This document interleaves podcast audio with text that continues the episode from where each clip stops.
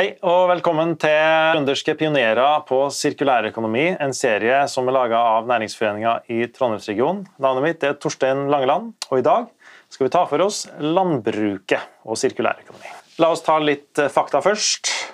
8,8% av klimagassutslippene i Norge kommer fra landbruket. Og klimagassutslippene, som ofte betegnes som én greie, eh, fra landbruket består av ca. 80 000 tonn CO2, 1,8 millioner tonn lystgass eller nitrogenoksid og 2,6 millioner tonn metan.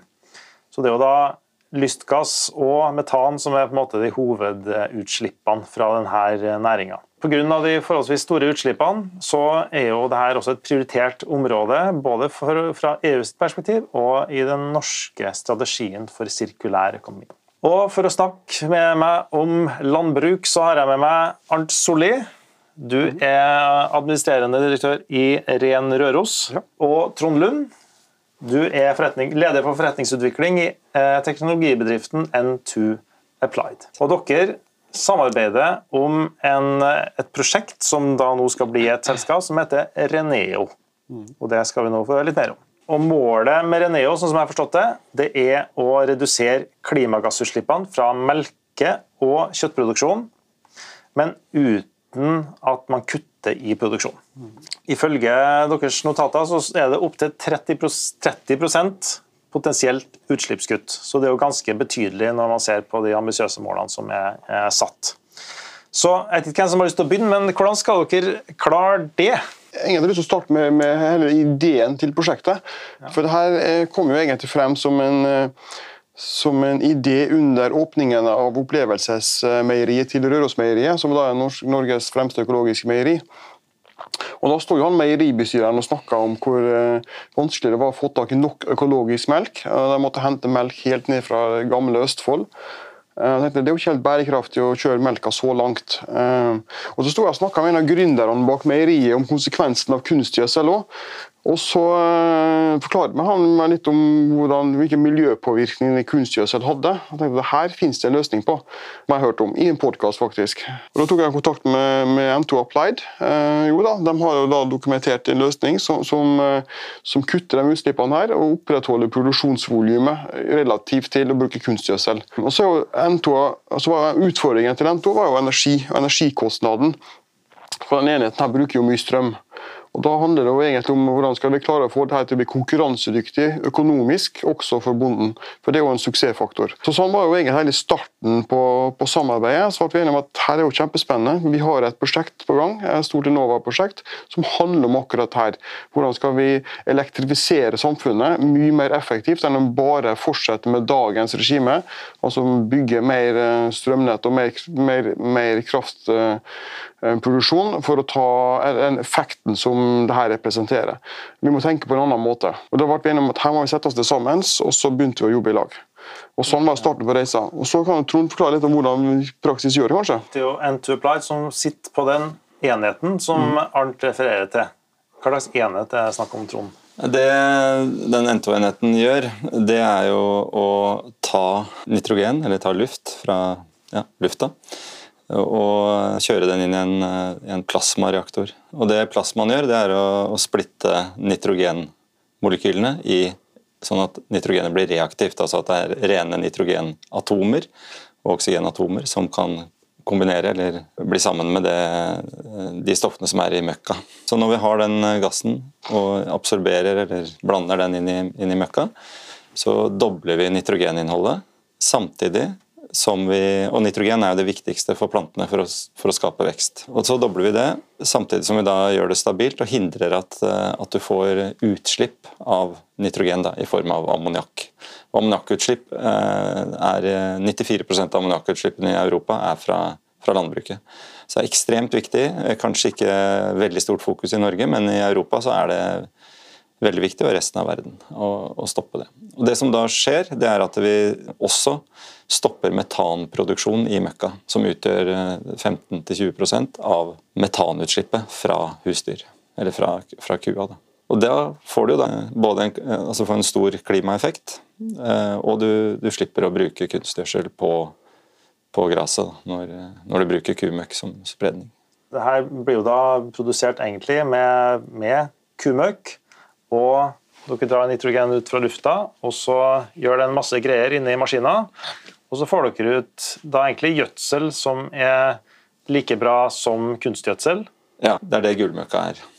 Og så lukter det heller ikke. Jeg har sett bilde av Arnt som lukter bakpå en sånn, uh, sånn uh, kumøkkspreder. Ja. Ja, ja. Nei, det lukter, Og det lukter før eller etter eh, det har vært gjennom Nei, det var etter. Det var etter. Jeg skal, jeg skal love deg at det var etter. Jeg har ikke fått korona heller, så luktesansen er der, men det lukter Nei, ingenting. det, I litt andre markeder så er det klart at eh, når vi stopper det her, eh, metanproduksjon, så samtidig så reduserer vi også en del patogener og antibiotika og, og E. coli og salmonella og sånn.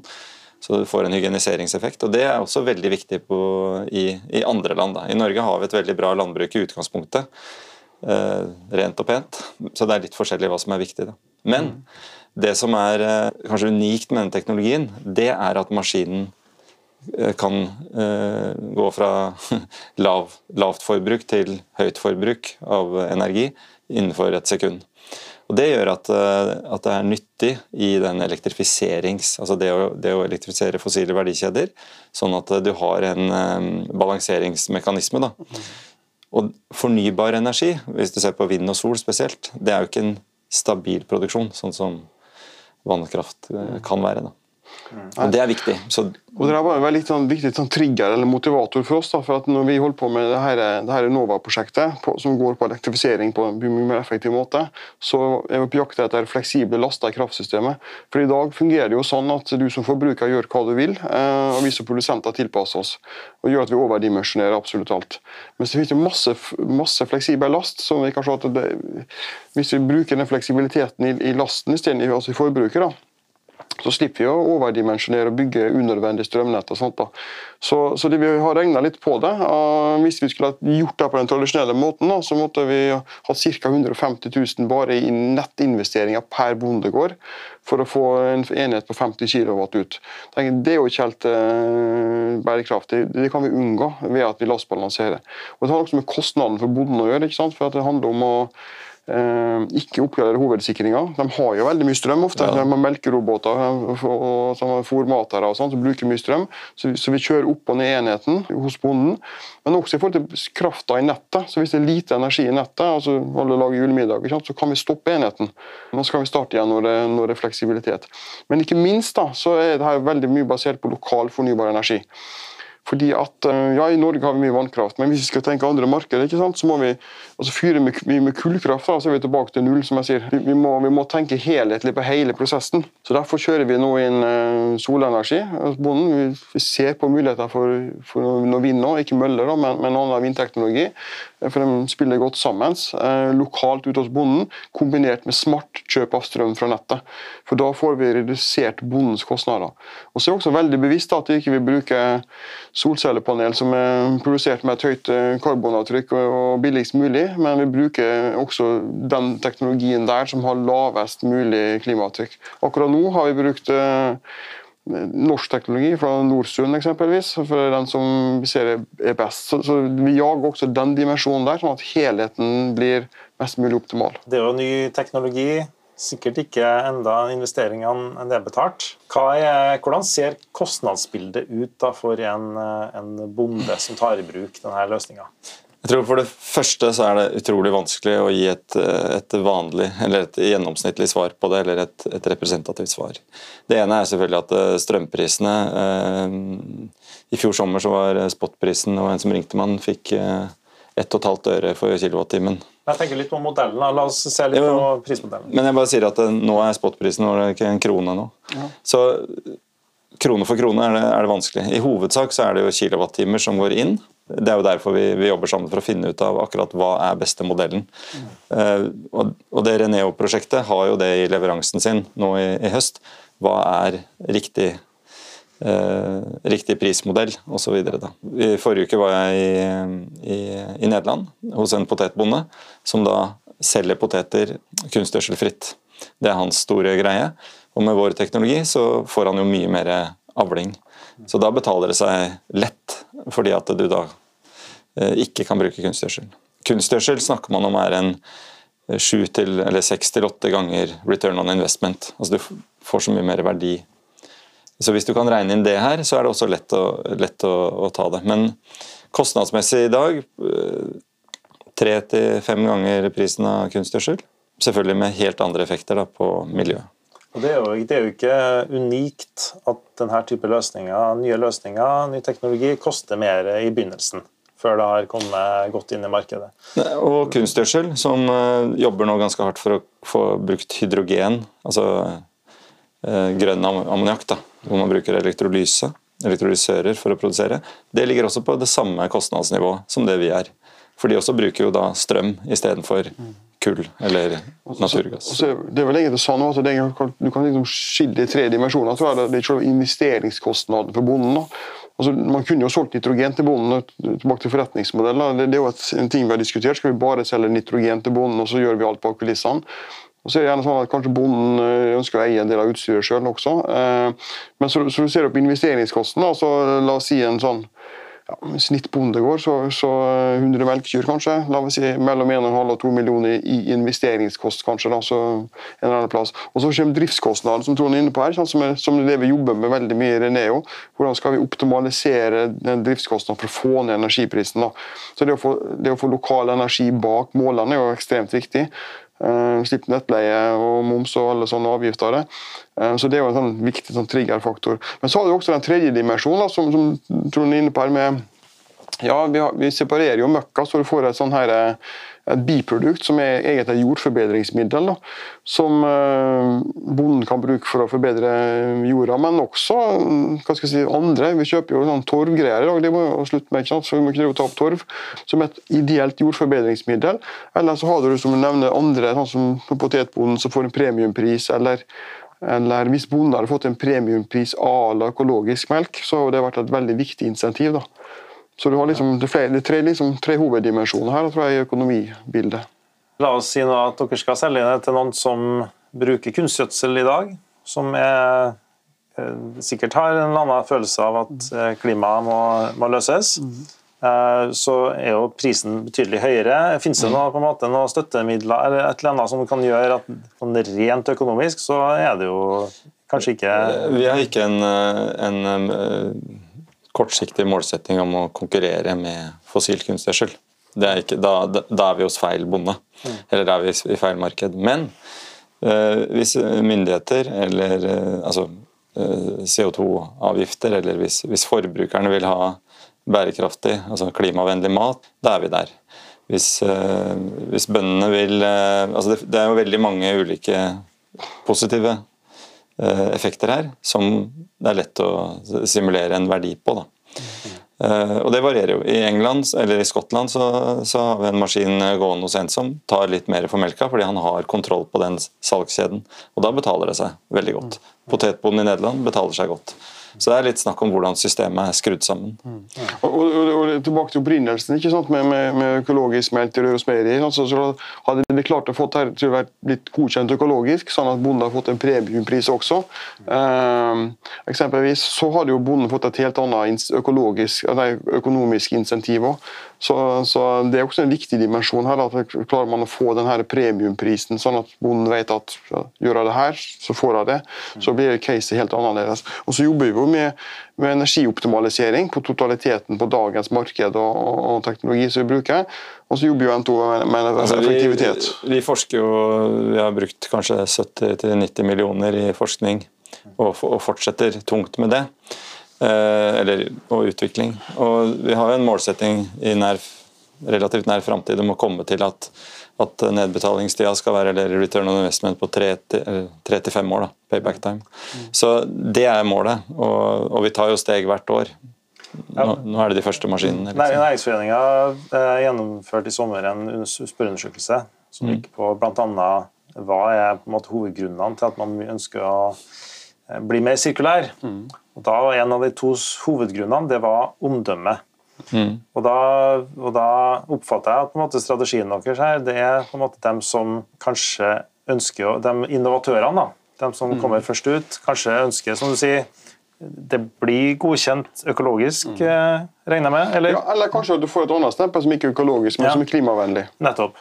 Og det kommer jo I taksonomien som kommer til neste år, mm. så begynner det å påvirke finansieringa hvis Absolutt. man eh, mm. ikke tenker grønt. sånn at det, så først tar man dem som ønsker å være i front, og så mm. etter hvert så utvikler det seg at man, man er nødt til å ta i bruk sånne type løsninger, kanskje? Ja, ja altså, altså, Min ambisjon da, eh, som vi har diskutert litt også, er at jeg ønsker at vi skal rulle ut her ut til 20 ulike gårdsbruk i løpet av eh, tidlig neste år rundt omkring i hele Norges land for å høste erfaringer. for Det er ulike geografiske, klimatiske forhold rundt omkring i landet. Sånn at de kan høste operative driftserfaringer, men også at bønder kan få besøksgårder og gå i nærheten og, og gå og se hvordan det fungerer i praksis. For Bønder er jo veldig praktiske folk og liker å se hvordan ting fungerer. og Det handler om å få minst mulig arbeidsbelastning for bonden. Det må, det må, være enkelt og effektivt i bruk. Og så er det også energimessig ulike forhold rundt omkring i Norges land. Mm. Så det ønsker vi å få kompetanse og erfaring på. Eh, de største meieriene, tar du Nestle, så har de et eh, De vet jo at de er under ekstremt press på det med for consumer awareness, og at, at, forbrukerne faktisk eh, går over til plantebaserte matkilder. De har et program på 30 milliarder kroner, altså, eller 3 milliarder euro, for å uh, fikse på verdikjeden sin. Og Da går de også bak mot bøndene. Og Det er det samme du ser overalt. Eh, alle vil dra ned klimaavtrykket på sin matproduksjon. Og vi har en løsning som faktisk gjør det, og som er dokumentert med, med forskning og, og, utvikling i mange år. Fra Sør-Afrika til, til, Norge.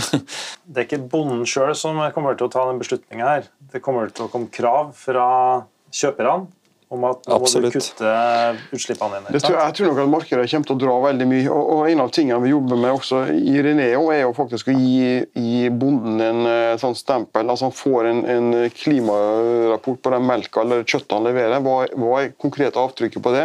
Og Har du da kosta på deg noen, si, også noen billige solcellepanel som har et uh, litt ugunstig avtrykk, egentlig, så, så kommer det med. Du får, du får også, det, du får, også, du får hele, hele totalbildet. Uh, og Det tror jeg kan kanskje endre litt av debatten rundt eh, hva som er fornuftig. Skal vi ha, skal vi ha en god grønnsaksproduksjon, så er det gjødsel til den også. Så hvis vi da kutter ut alle, alle kyr, skutt og seler griser, så har vi ikke gjødsel. Det var jo kunstgjødsel. da. Altså, alt henger jo sammen med alt her. Så, så vi prøver å få et sånt avtrykk som er for Jeg vet jo ikke når jeg går i butikken i dag, hva er egentlig klimaavtrykk på den melka jeg kjøper. Nei.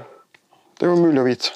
Hadde jeg visst det, så hadde jeg sikkert vært villig til å betale to kroner ekstra for den som uh, faktisk hadde et vesentlig lavere avtrykk. Ja, og Dere er da to selskap som mm. er i en ganske ulik bransje, mm. men som da, når dere kommer sammen, så får dere til én løsning som da er avhengig av på en måte begge deres løsninger. Hvorfor er samarbeid viktig her nå, både for dere og i den omstillinga som vi skal gjennom? Ja, jeg, tror, jeg tror nemlig det at altså, mye av innovasjon skjer på tvers av sektorer. Eh, det, altså det å se på tvers av sektorbarrierer er liksom sånn, på en måte mye banebrytende innovasjon kommer, kommer ut, av, eh, ut, av, den måten å tenke på. Um, og så er det også sånn at mye av innovasjon det har den egenskapen at det blir enklere for forbruker, men mer komplisert å levere bak kulissene. Og, Det er liksom, det som hele målsetningen her også, den kompleksiteten som bonden potensielt kunne ha fått hvis vi skulle gjort det stykkevis og delt, har vi fjerna og sier at her har du en komplett løsning som løser ditt problem. Du trenger, du trenger gjødsel til jorda for å opprettholde produksjonsvolumet ditt eh, på en klimavennlig måte. Så jeg tror det å se på tvers av sektorbarrierer er ekstremt viktig for å få til den innovasjonen som, som vi må. Og så handler det også om å løfte si, verdiskapinga av de produktene vi leverer. Vi kan ikke bare være en råvareleverandør i Norge. Det, er få ting som konkurrerer med olje på råvarepris. Så, så skal vi klare å opprettholde velferden nå, så må vi klare å løfte oss i verdikjeden og levere høyere, eller mer foredla produkt. Det dreier seg om sånn ganske, kanskje litt unikt norsk egenskap om å samarbeide på en velmenende måte. da når jeg begynte å snakke med, med Arnt og, og, ser at vi deler, vi forstår liksom helhetsperspektivet og de visjonene om bærekraftig landbruk. Ok, eh, svart belte i elektrifisering av fossile verdikjeder eh, finner vi der, men vi var jo også veldig bevisst på det. Og jeg har med, vi har snakka med flere rundt om i verden. Veldig mange klakører eller folk som applauderer og sier kjempebra, dette må til. Men det vi trengte, var jo en innovasjonskraft og en, et, et, selskap som, eh, som Ren Røros, som har kompetanse og også tung internasjonale både nettverk og erfaring fra energibransjen. De vet hvor dette går. Du kan lese Statkrafts eller bærekraftsrapport 2020. den eh, som forteller, eller Bærekraftscenarioer. Lavutslippsscenarioer heter det vel. Og, og, hva kommer til å skje? Snart er eh, veldig mye fossil, eh, fossilfri energi. Snart begynner dette her å være mulig. Og det at vi deler visjoner, samarbeider godt og egentlig ønsker det beste for hverandre, det gjør at man da kan gå inn igjen eh, i, i det vi forsøker å få til nå, uten at man sitter og kaster advokater på hverandre. Mm, ja. Og Da kommer den innovasjonskraften og det samarbeidet, og vi tar, tar for oss øh, hver våre ting, for så vidt. De jobber ikke med plasmaen eller agronomien, det er det vi som gjør. Det er vi som kan kjemien. Men det å lage et, et, et bærekraftig løsning som ikke gjør at bonden må kjøpe ti forskjellige ting, men at ok, her kommer vi med en pakke. Det kommer til å være forutsigbar kostnad, og du får dokumentert effekt. Det er det som da, da, da, krever det at du sam, samsnakker godt og, mm. og, er enige om visjonene. Man trenger ny teknologi, man trenger godt samarbeid. Mm. Og så, sånn som dere har gjort, så går dere først på en, en nisje som er villig til å kanskje betale mer. Før etter hvert så kommer kravene om at alle er nødt til å omstille seg og mm. kanskje kjøpe den type teknologi som dere har. Hvilke hvilke finansieringsordninger finnes på plass eller finnes ikke på plass for å hjelpe både dere og eh, dem som da er potensielle kjøpere for denne løsninga? I Norge så har vi et veldig bra apparat rundt Innovasjon Norge og Enova og, og de som kan bidra for at eh, altså Støtteordninger som, som bøndene kan ta, ta del av, særlig på investeringssupport. Eh, på, på driftssupport så er det litt, eh, litt, mer krevende. Da er det mye jordbruksoppgjør og andre ting. Hvis du ser på jordbruksavtalen, hvor, eh, hvor regjeringa, og, og, landbruket ble enige, eller som i år ikke helt enige, om, om, om hvor man skal legge de ulike støttesystemene, så er det et, et viktig verktøy framover. Eh, ser du på EU, så var det vel tidligere 70% av EUs overføringer gikk jo til landbruket. Nå er det kanskje nede i 40-50. Men CAP, da, eller Common Agriculture Policy, er jo en enormt stor pengesekk. Og Der jobber man jo knallhardt for å dreie det mot miljøvennlig. De klarer det ikke helt, for det er veldig mye konservatisme og det er vanskelig å få dette her til. Men alle store taler høyt oppe i systemet, er jo at nå må vi forandre matsystemet vårt. Og, og vår løsning blir jo, blir jo derfor et, eh, kanskje det mest effektive tiltaket som man kan gjøre på husdyr. Det er ikke mange løsninger som kan dra ned klimautslippet med 30% Og da har eh, landbruket eh, en utfordring. fordi Forbrukerne kan jo bare si ja, da slutter vi med, med kjøtt og melk. Men da er det ikke noe, det, det er jo en umulighet i, i den samfunnsstrukturen vi har. Det er jo veldig mange bønder i hele Europa og i Norge. Så det er et mye bedre alternativ å ta den, eh, det problemet ved rota, som vi gjør her. Men er det forholdsvis enkelt for en bonde som ønsker å ta i bruk deres løsning, eksempel, å få støtte fra Enova eller andre til å gjøre det? 40 eh, kanskje fra Enova eller eh, Innovasjon Norge bør være mulig. Men vi ser jo etter mer styrte verktøy for Altså, det er jo det vi jobber med. Prøve å få til en, en bedre støttesystem. Om det kommer via si, meieriene på økt uh, melkepris, eller uh, kjøttforedlingen uh, på økt kjøttpris, altså at konsumentverdi kommer tilbake til bonden, eller om det er styrt politikk fra, ja, fra politikerne da, som sier at nå skal vi dra ned klimautslippet så mye, vi må supportere dette. Eller om, eh, om vi eh, bare jobber hardt med investorer og andre supportere for å, for å si at ok, om fem år så er dette helt obvious at det kommer til å skje. Mm. Og det er viktig. Nei, og så er det liksom sånn, Nå er jo René støtta av Innovasjon Norge, og, og, og, de var veldig raskt på ballen. Også, det jo, mm. og det var jeg veldig glad for. De har virkelig vært raskt ute. Dette er viktig. Så det er jo kjempebra. Men så er det, det er en liten utfordring også, for at Enova er jo energi. Innovasjon Norge er landbruk. Eh, og dette er en løsning som egentlig går på tvers. Eh, og så handler det også om indirekte utslipp. altså Hva som ligger i mandatet til Enova eksempelvis på direkte utslippskutt versus indirekte. Mm. Så, så der er jo en, en, en greie greie som, som, jeg tror man må se på. Så Vi har jo hatt alle politiske partier også på, på besøk for å både se på løsningen og opplyse om, om, potensialet, men også litt om hva som må på plass her um, for å få dette til å skalere. Og jeg tror Det er veldig viktig at vi klarer å bygge et norsk hjemmemarked så hadde vi ikke havnet i denne elbilfella. At Den siste Thinken, hvis du har sett den, så er det en veldig fin bil, egentlig. Men uh, da gikk jo Think konkurs, og så kom støtteordningene etterpå. Uh, vi må gjøre det rett rekkefølge. Vi må ha insentivordningene på plass når teknologien er der, så vi, så vi får rulla av til et norsk hjemmemarked, og så kan vi kjøre eksport. Så Hvis du har ett budskap til politikerne, så er det Ja. Virkemidlene må på plass nå. Det er åtte år igjen, eller åtte og et halvt år igjen. Eh, og Skal vi klare å bygge hjemmemarked og ta et globalt marked, så må vi agere raskt. Og helt til slutt, personlig spørsmål. Er dere eh, forretningspersoner som eh, ser forretningsmuligheter i, i de grønne omstillinga, eller er dere grønne idealister som også liker å drive med forretning? Jeg tror jeg vil si begge deler. Vi, har, vi bruker et forretningsmessig bilde på det.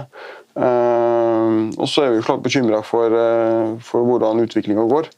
Men jeg, tror det raskeste og mest effektive virkemidlet er å se på det med, med bedriftsøkonomiske øyne. Ja, jeg er jo vokst opp på gård og melka kuer. Og, og en ting som har hele tiden vært i både familien og personlig, har vært å, å gjøre disse tingene mest mulig bærekraftig. Men eh, og i et stort bilde så må man ha forstå altså Hvis man driver som forretningsperson, så må man ha forståelse for de store trendene, megatrender, og hvor går verden. Og vi vet jo utmerket godt fra FN og eh, IPCC og andre hvor verden går. Hva er de store trendene? Og det å ha en så genial løsning som det vi har her, det er klart det blir forretning av det på sikt. Det får være gode siste ord. Takk skal dere ha, Arnt Solli fra eh, Ren Røros og Trond Lund fra N2 Applied, som begge da er nå i ferd med å starte et selskap som heter Reneo. Så lykke til videre med oppstarten og salget, skulle vi si. Og til dere som eh, hører på, om dere er i bilen eller hjemme eller på jobb, denne serien eh, trønderske pionerer på sirkulærøkonomi er en del av prosjektet Sirkulært, som er finansiert av Trøndelag fylkeskommune, Trondheim kommune og Næringsforeninga i Trondheimsregionen. Anbefaler dere å sjekke ut prosjektet på sirkulart.com. Og selvfølgelig bli med på Facebook-gruppa Sirkulærøkonomi i praksis, der du kan følge med og engasjere deg sammen med andre som brenner for det samme. Så da sier vi bare vi treffes neste gang. Toodaloo.